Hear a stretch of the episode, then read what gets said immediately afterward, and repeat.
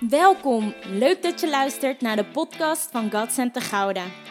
God Center Gouda is een jonge gemeente waar een ontmoeting met God centraal staat. Ons motto is Love God, Love People, Love Yourself. En deze week weer een inspirerende boodschap met Pastor Jeroen over groei in de handen van Jezus. En we vieren met elkaar vandaag twee jaar God Center. En, en op zulke momenten, daar ben ik altijd heel erg geneigd om, om terug te kijken. En eh, ik denk dat dat herkenbaar is, weet je wel. Op je verjaardag, dan kijk je ook vaak terug van, oké, hoe was het afgelopen jaar? Oudejaarsavond staat er ook bekend om, van even terugkijken en dan de goede voornemens, als je daaraan durft te beginnen. Maar ik geloof dat terugkijken heel erg goed is, omdat het ons soms weer even terugbrengt naar de bron. Als we altijd maar doorgaan en doorgaan, dan kunnen we soms vergeten waar we vandaan komen. En dat kan ook een stuk dankbaarheid roven. Terwijl die dankbaarheid hartstikke belangrijk en essentieel is. Want hoe dankbaar kunnen we zijn voor het punt waar we nu staan met elkaar? Weet je, ik wil je meenemen naar vijf jaar geleden. Want vijf jaar geleden begon het voor ons. We bestaan nog maar twee jaar als gemeente. Maar eigenlijk, zeg maar geestelijk, vijf jaar geleden kwam het punt dat we een keertje vooraan stonden met een, met een groep van, ik denk, 40 eh, man. Die had gereageerd op de oproep van Pastor Arno, God Center toen nog leider, inmiddels voorschoten. Wie is er bereid om uitgezonden te gaan worden om gemeentes te gaan stichten? En wij stonden daar en ik was al jaren voor Pastor Arno aan het werk, dus we wisten die roeping, die ligt op ons leven en, en daar, daar, kijken we naar uit en we vertrouwen de timing aan God toe. En wij stonden daar en toen zei Pastor Arno van oké Jeroen en Peter en nog vier anderen, ga heel even daar staan. En toen stonden we daar met z'n zessen. En toen werd er uitgesproken, jullie gaan naar Gouda. Jullie gaan naar Gouda en het zal over ongeveer drie jaar zijn. Nou, dat werd echt letterlijk op de maand af, over drie jaar. Jullie gaan naar Gouda en over een jaar of drie eh, zal dat gebeuren. En we stonden daar met z'n zessen. Zes kwetsbare mensen die daar stonden. En eigenlijk nog geen idee hadden van het avontuur waaraan ze begonnen. En de reis waaraan we begonnen met God. Drie jaar later, 23 september 2018, hebben we in het cultuurhuis, de Gare Spinnerij, hebben we de opening gehad. En toen waren we met een kernteam van 12 man. Een kernteam van 12 man en verder hadden we geen idee. Maar we begonnen en we gingen ervoor en we wisten we gaan met God op reis. En ik heb ontdekt hoe klein iets ook nog kan lijken. Ik bedoel, een kernteam van 12 is best klein. Dat is best spannend om daarmee te gaan beginnen in een grote stad. Maar hoe klein het ook lijkt, als we op reis zijn met God, dan gaat Hij daar iets van maken. En dan weten we dat op reis zijn met Hem de beste plek is om te zijn. En zo hebben we een openingsdienst gehad. Ik weet nog dat ik eh, achter de coulissen stond. In het garenspinnerij had je een coulisse. En dat ik op een gegeven moment even zo omkeek en dacht, chips, het past gewoon niet. En dat ik daarachter stond en dat ik zei, heer, ik had echt geloof voor 60 mensen, maar dus, dit is echt 250. Ik schrik een beetje. En dat ik vroeg, hoe gaan we dit doen, heer?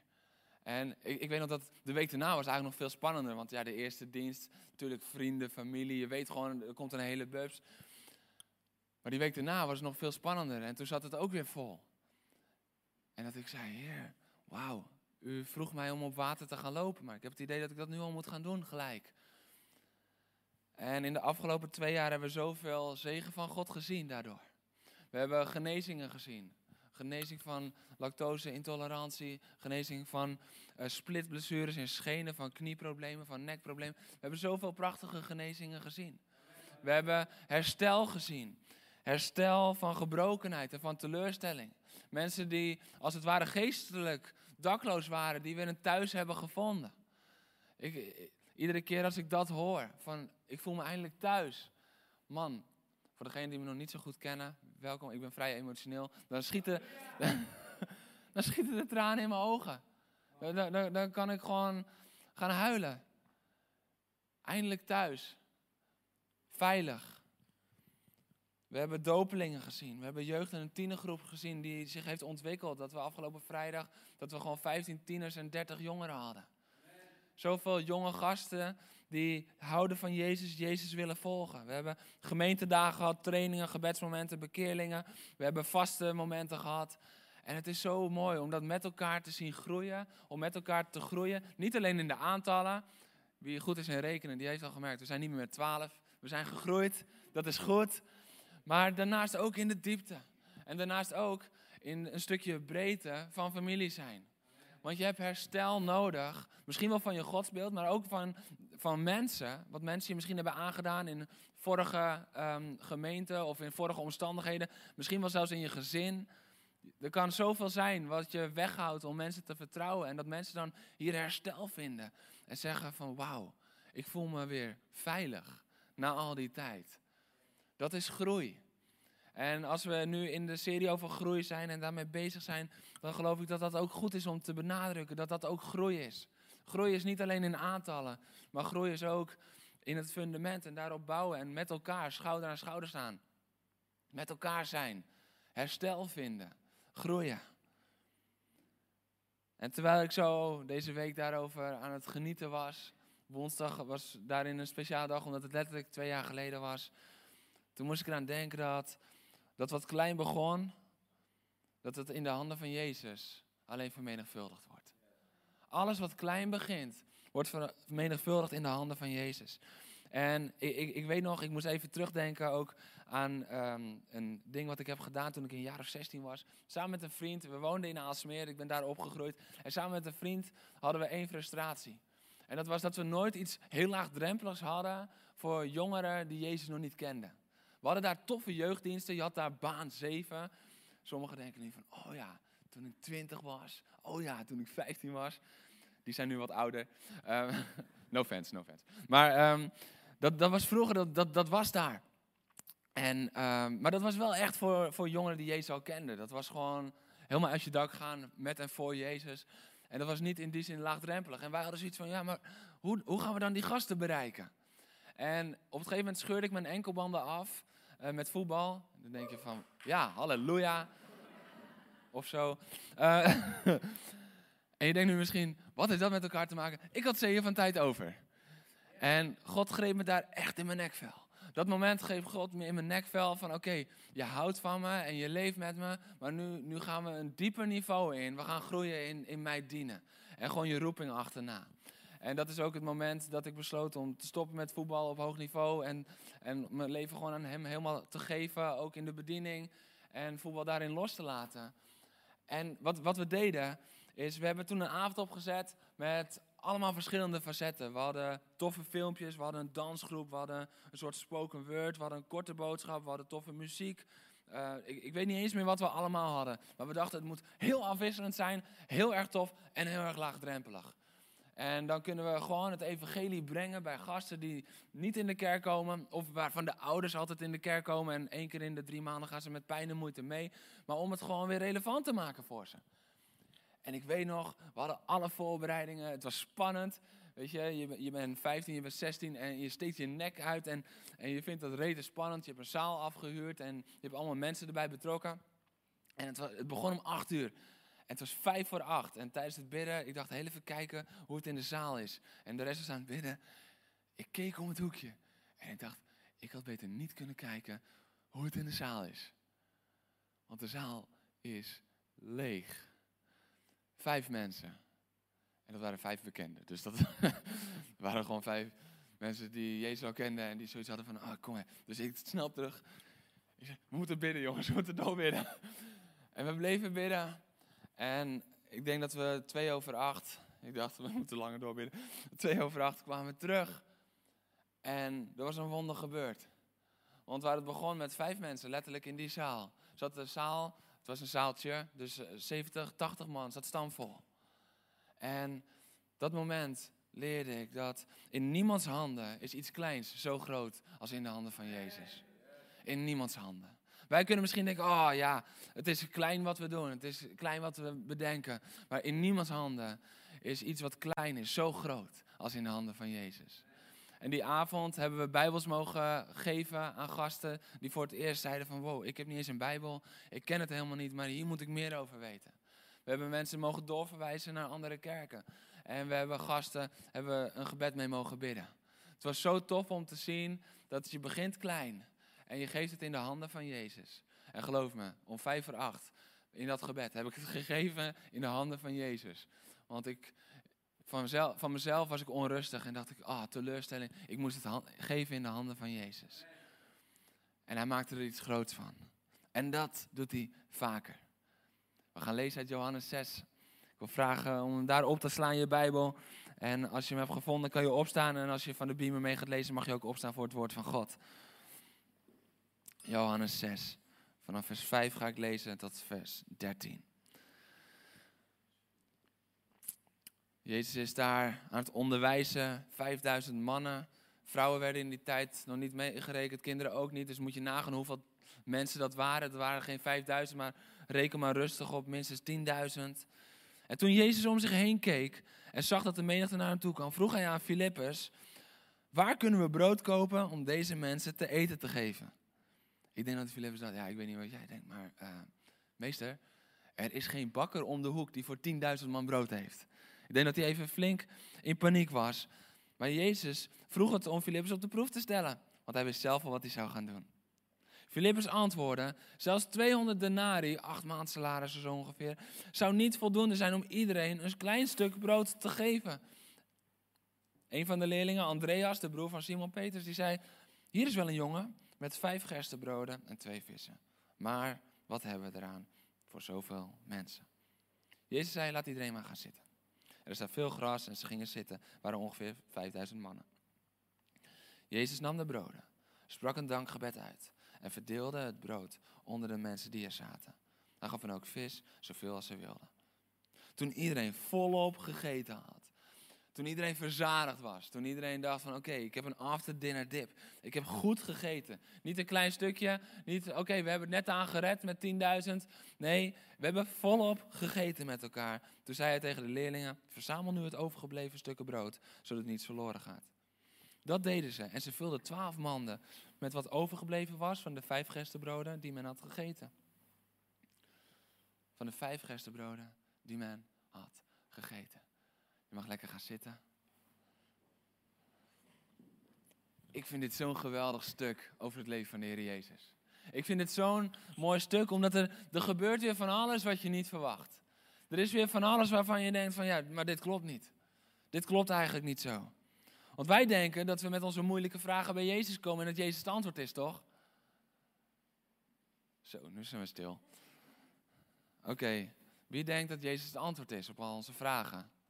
Ja, dat denk ik ook altijd. Maar weet je wat lastig is? Als je antwoord de vragen gaat stellen. Dat is lastig. Hoe moet ik daar nou mee omgaan? Jezus, u was toch mijn antwoord. Nu gaat u mij om een antwoord vragen op de vraag die u stelt, maar u met mijn antwoord, ik ben in de war. Jullie zijn allemaal in de war, want dit ging te snel. Ik zag het. Maar het klopte. Maar zo moet Filippus zich ook hebben gevoeld. Gewoon compleet in de war.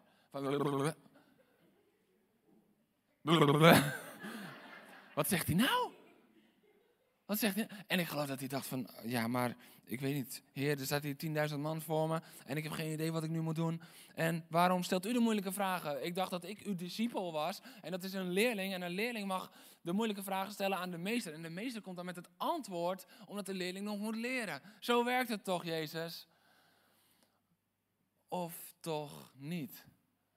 Of toch niet, want Jezus stelt hem de vraag, waar kunnen we brood kopen?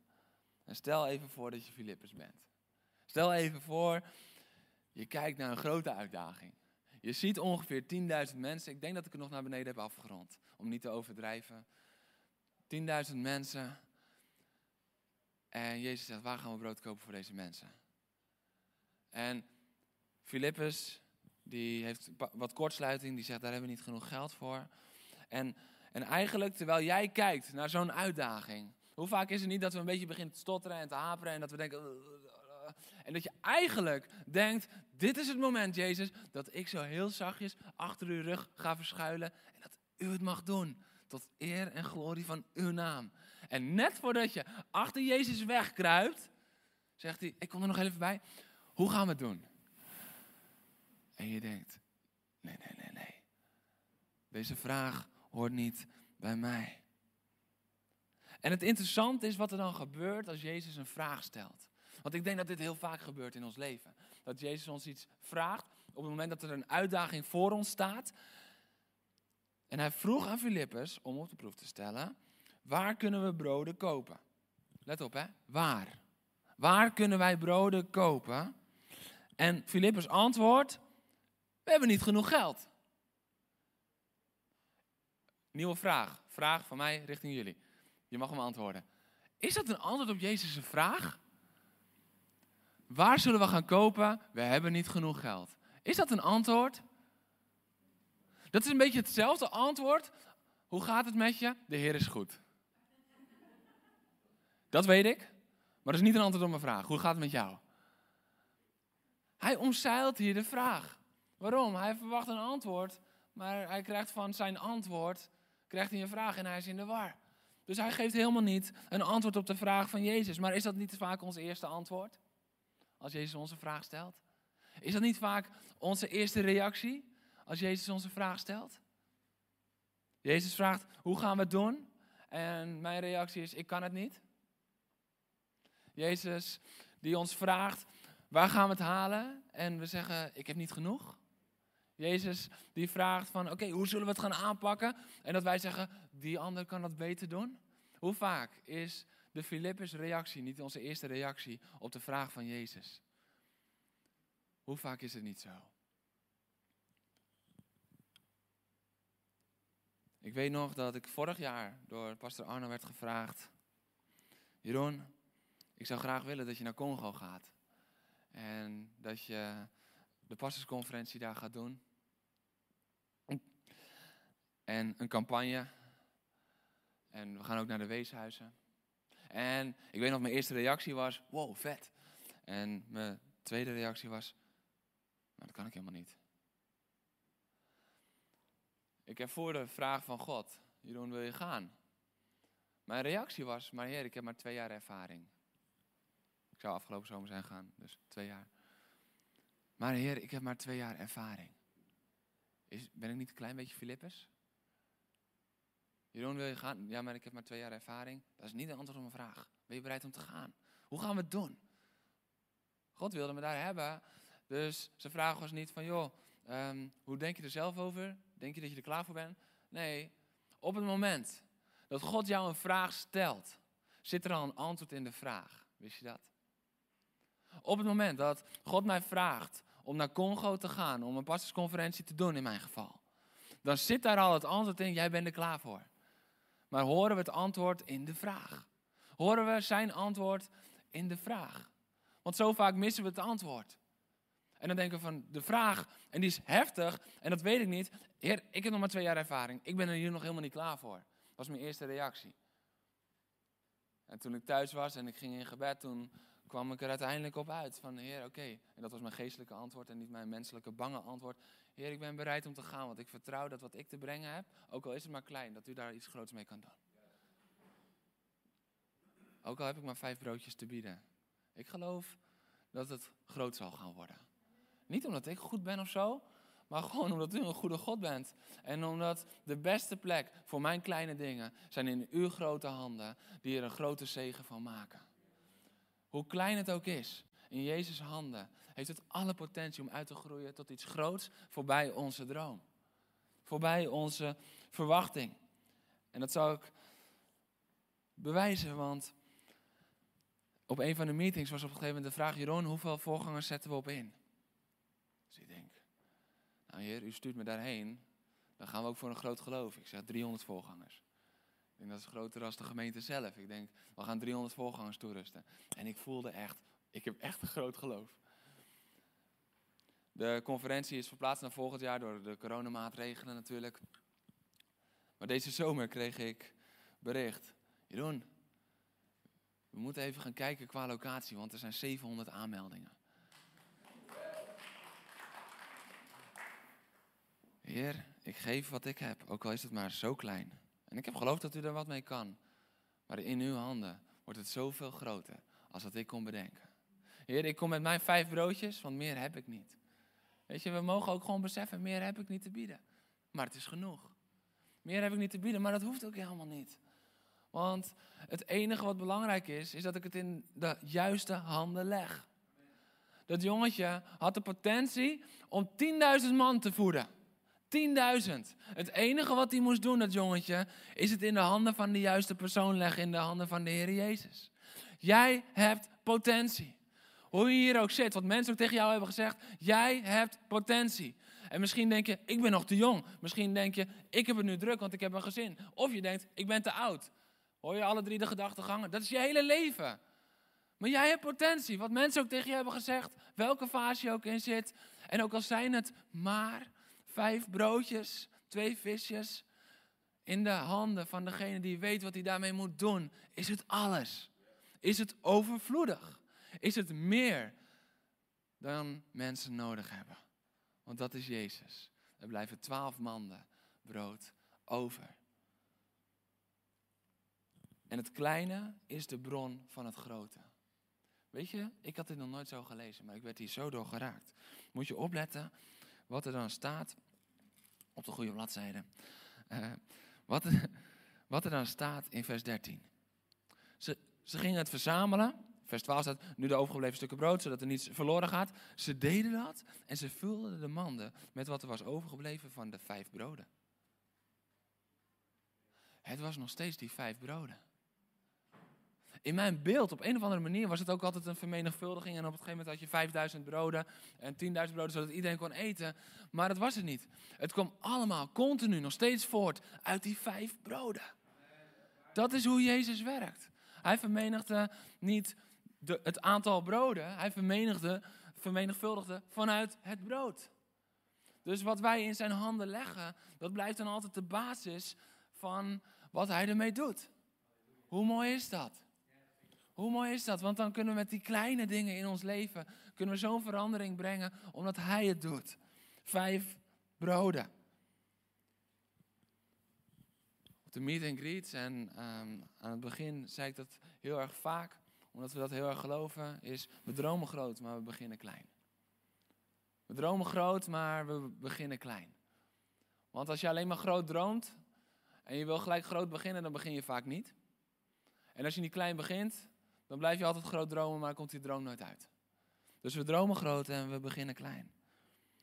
En dat is waar groei begint. Het kleine beginnen en in de handen van Jezus leggen.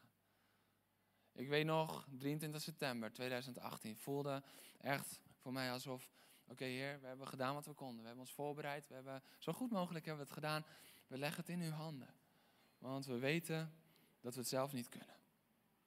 We weten dat we zelf misschien tekortschieten. Dat we zelf misschien niet. Maar in uw handen is dat niet langer de waarheid.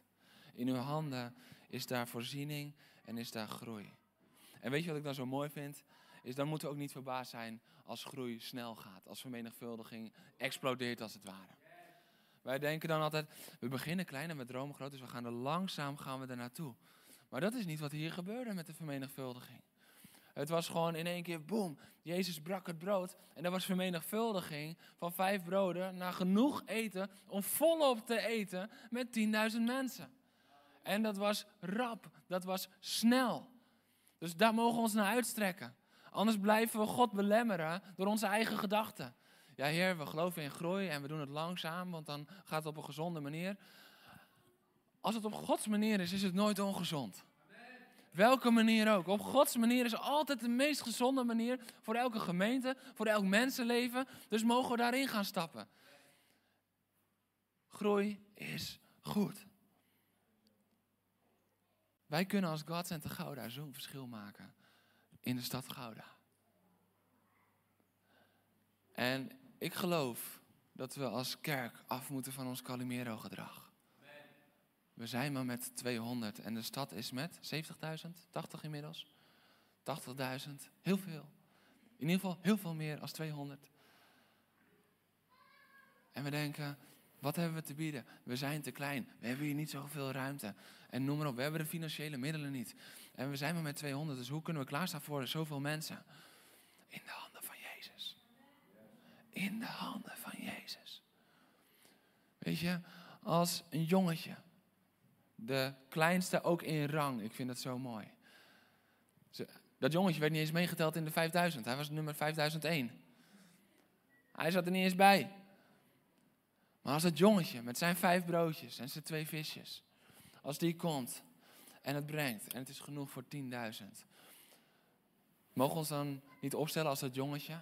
Oké, we zijn misschien maar, maar met 200. Maar we zijn met 200.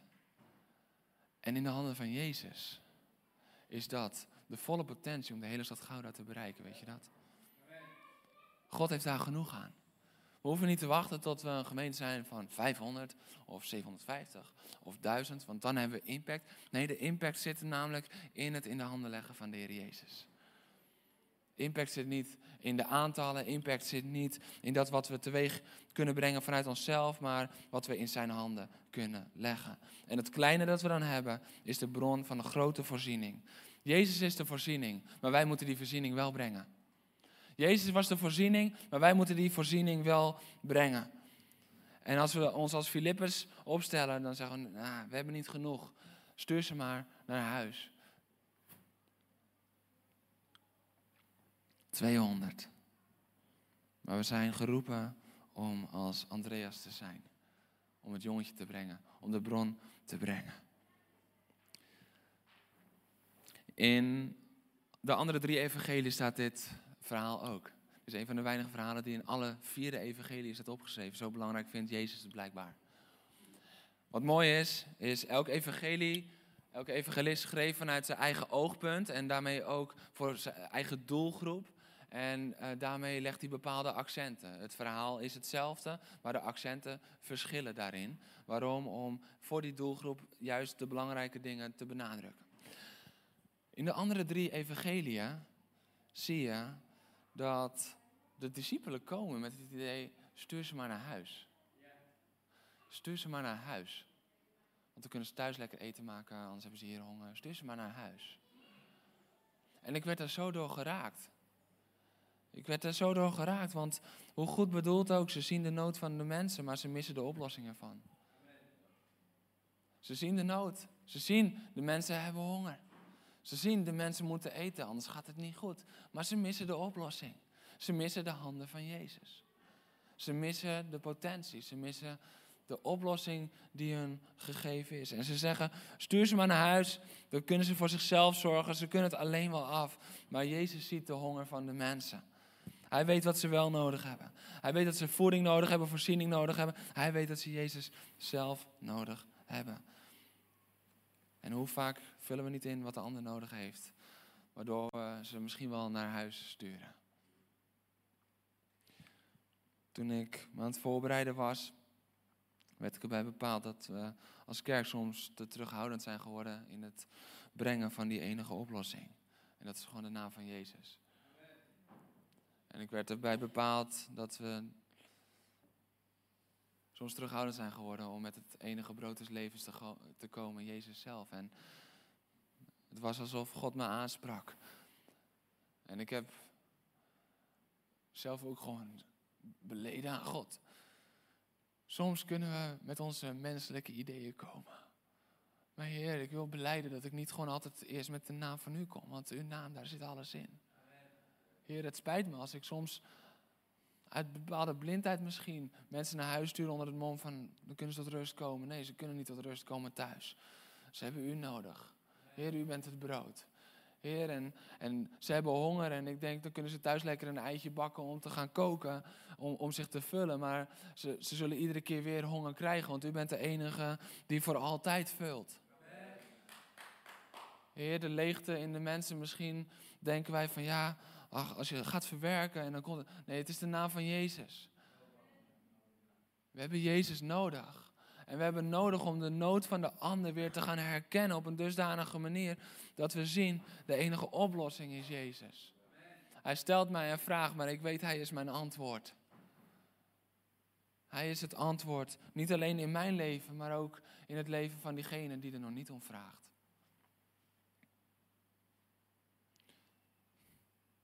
Ik werd erdoor geraakt dat in dit hele stuk niemand vraagt om eten. Alleen de discipelen zijn ermee bezig. Ze zien de nood. Ze zien het, maar ze herkennen hem niet. Ze constateren het, maar ze herkennen het niet. Maar in die hele menigte, je hoort niet vanuit die menigte de vraag om eten. En dat is het punt waar we het vaak moeilijk vinden om met Jezus te komen als mensen er niet om vragen. Maar mensen, als ze nog niet vragen, betekent niet dat ze niet verlangend zijn. Als mensen nog niet om Jezus vragen, betekent niet dat ze hem niet nodig hebben. Want het interessante is dat Jezus breekt het brood en iedereen eet ervan en volop. Omdat ze ontdekken, ik heb dit nodig. Het feit dat mensen nog niet doorhebben wat ze nodig hebben, mag ons er nooit van weerhouden om te brengen wat ze nodig hebben. Want mensen hebben Jezus nodig. Mensen hebben de koning der koningen nodig. Ze hebben een redder nodig die ze optrekt uit de nood die ze hebben, uit de honger die ze hebben, uit de leegte die ze hebben. En we hebben het nodig om dat te brengen. Want Jezus was de bron. Hij brak het, hij deelde het uit. Hij is de bron, hij was het antwoord op de nood. Maar weet je wie het rondbracht? Dat was niet Jezus. Wie het rondbracht, waren de discipelen. Wie het moeten rondbrengen, dat zijn jij en ik. Wij moeten de stad in. Wij moeten de mensen bereiken. Wij moeten dat brengen wat Jezus ons in handen geeft. En dat is al dan de vermenigvuldiging. Dus je voelt misschien van ja, vanuit mezelf heb ik maar vijf broodjes te bieden. Maar je komt met manden vol, kom je aan, omdat het uit de handen van Jezus terecht komt.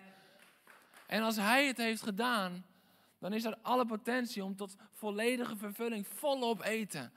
Andere vertalingen en andere evangelieën zeggen, totdat ze verzadigd waren. Verzadigd. Ken je dat moment dat je volledig verzadigd bent na een kerstmaaltijd omdat je net te veel hebt gegeten en je denkt, wow, hier kan echt geen toetje meer bij. Sommige mensen kunnen altijd een toetje hebben. Ze waren verzadigd. Er kon niks meer bij. Het was genoeg en er was over. Want dat is hoe Jezus werkt. De discipelen moesten het eten rondbrengen. En ik geloof dat dat ook is voor de aftrap van het nieuwe jaar, het derde jaar. We zijn in Love God gegroeid, in Love Yourself gegroeid. En ik geloof dat naast die twee, niet ten koste van die twee, maar naast die twee, dat dit jaar de focus mag op Love People. Dat de focus mag op, we gaan mensen bereiken met het evangelie. We gaan er voor mensen zijn en we gaan voorzien in hun nood. En dat is niet alleen met woorden, dat is niet alleen door evangelisatie, maar dat is ook door er echt te zijn. Door dingen aan te bieden. Om mensen te raken, klaar te staan, te voorzien. Misschien wel letterlijk met een mand met eten. Misschien wel letterlijk door diegene een lift te geven. Misschien wel letterlijk op welke manier dan ook. Maar niet alleen de woorden van Jezus, maar ook de letterlijke voorziening. Weet je dat hier duidelijk het geestelijke en het natuurlijke samengaan in dit verhaal? Dat dat het grote wonder van dit verhaal is? Jezus had al les gegeven. Hij had het geestelijke had hij het al gegeven. Maar misschien hoor je wel eens de doden. Nee, maar ik heb alleen, ik heb alleen maar geestelijk voedsel nodig. Nee, je hebt ook gewoon voorzieningen nodig. Je hebt niet alleen geestelijk voedsel nodig. Je hebt ook voorzieningen in je leven nodig. Anders zou Jezus nooit dat brood hebben gebroken voor 10.000 mensen. Als Jezus het niet belangrijk vond om ook daarin te voorzien, dan zou hij dat toch nooit doen. Jezus vond het belangrijk. Jezus wist dat mensen het nodig hadden. En hoewel wij dan het gevoel kunnen hebben van we zijn maar met 200, wat zouden wij kunnen doen voor een hele stad als Gouda? En we kijken misschien naar de grootte van de uitdaging. En we raken misschien in de war als Jezus ons een vraag stelt van oké, waar gaan we het vandaan halen? Hij doet het om je op de proef te stellen, want hij weet al wat hij doet. Vind ik zo mooi. Hij weet al wat hij doet. Wat is dan onze reactie? Wat is dan onze reactie? Ergens hadden de discipelen het al kunnen weten. Ze hadden de bruiloft in Cana en alles al meegemaakt. Ze hadden het al kunnen weten. Ze hadden al genezingen gezien. Ze hadden al wonderen en tekenen gezien. En een stuk meer als dat er in Johannes staat. Want Johannes zegt dat hij bewust niet veel heeft opgeschreven. Maar we zien in de andere evangelie dat er voor die tijd al veel voorziening was geweest. Alleen die bruiloft in Canaan al. De wijn is op in de handen van Jezus. Wijn in overvloed. Ze hadden het kunnen weten. In welke handen plaatsen wij onze uitdaging? In welke handen plaatsen wij onze uitdaging? En de sleutel tot zegen is het brengen van ons bezit in de juiste handen. En dan is dat kleine wat we hebben, leggen in de handen van onze grote God genoeg. En ik geloof dat God dat vandaag van ons gaat vragen. Voor het komende jaar. Voor het komende jaar dat hij zegt, ben je bereid om je vijf broodjes aan mij te geven? En misschien zou je bijna denken van ja, maar het is zoveel, het is zo groot en ik heb maar dit, dus beter eet ik het zelf op. Beter hou ik het bij mezelf, dat had het jongetje kunnen denken. Niemand heeft aan vijf broodjes iets. Als je met 10.000 bent, laat dan in ieder geval één van die 10.000 ervan genieten. Dat ben ik. Soms kan je terughoudend worden, omdat je kijkt naar hoe klein het is wat je zelf hebt. Maar je vergeet de handen van Jezus. En in de handen van Jezus is dat kleine in overvloed. Love people. En ik ervaar daarin, ik schreef het gisteren op terwijl ik in gebed was. Ik ervaar dat er een geestelijke verandering aankomt in Gouda. En die verandering vindt plaats door de kerk van Jezus, die gaat geven wat ze wel heeft. En niet meer gaat kijken naar wat ze tekort komt. Niet meer gaat kijken wat ze niet heeft. En ook al zijn dat dan maar vijf broodjes, twee visjes. Jij en ik zijn onderdeel van die verandering. En we zijn geroepen om te komen. We zijn geroepen om het in zijn handen te leggen. Hij gaat het delen en dan zijn we geroepen om het uit te delen. Dat is wat hij gaat doen ermee. Zoals het jongetje erbij werd geroepen. Hey, jij, jij hebt iets. Zo wil God jou er vandaag bij roepen. En misschien voel je wel als het jongetje zo vaak ongezien en zo vaak niet gehoord. En je wordt niet eens meegenomen in de telling. Maar God zegt, hé, hey, kom maar. Want ik heb dat van jou nodig. En het zal tot zegen zijn voor duizenden. En groeien is dan wat we hebben in de handen van Jezus leggen. En wat er dan in de handen van Jezus gebeurt, dat weer te brengen bij de mensen. Mensen in nood, mensen in leegte, mensen met honger, mensen die niet vragen. Want ze hebben niet door dat ze het nodig hebben, maar ze hebben honger. Ze hebben nood. Ze hebben Jezus nodig. Ook als je het niet vraagt. Ook als je het niet zelf doorhebt. Het feit of mensen doorhebben of niet, bepaalt niet hoe groot hun nood is. Maar Jezus zag de nood. Jezus zei: Nee, stuur ze niet naar huis. Laat ze hier gaan zitten, zodat ik het kan doen in hun leven. We hopen dat deze boodschap je geïnspireerd, geactiveerd en gemotiveerd heeft in je wandel met God. Deel deze boodschap ook op je socials, zodat vele anderen met jou hierdoor geïnspireerd mogen worden. Ontmoeten we elkaar snel een keer? Zondag om 10 uur tijdens de livestream van God Santa Gouda.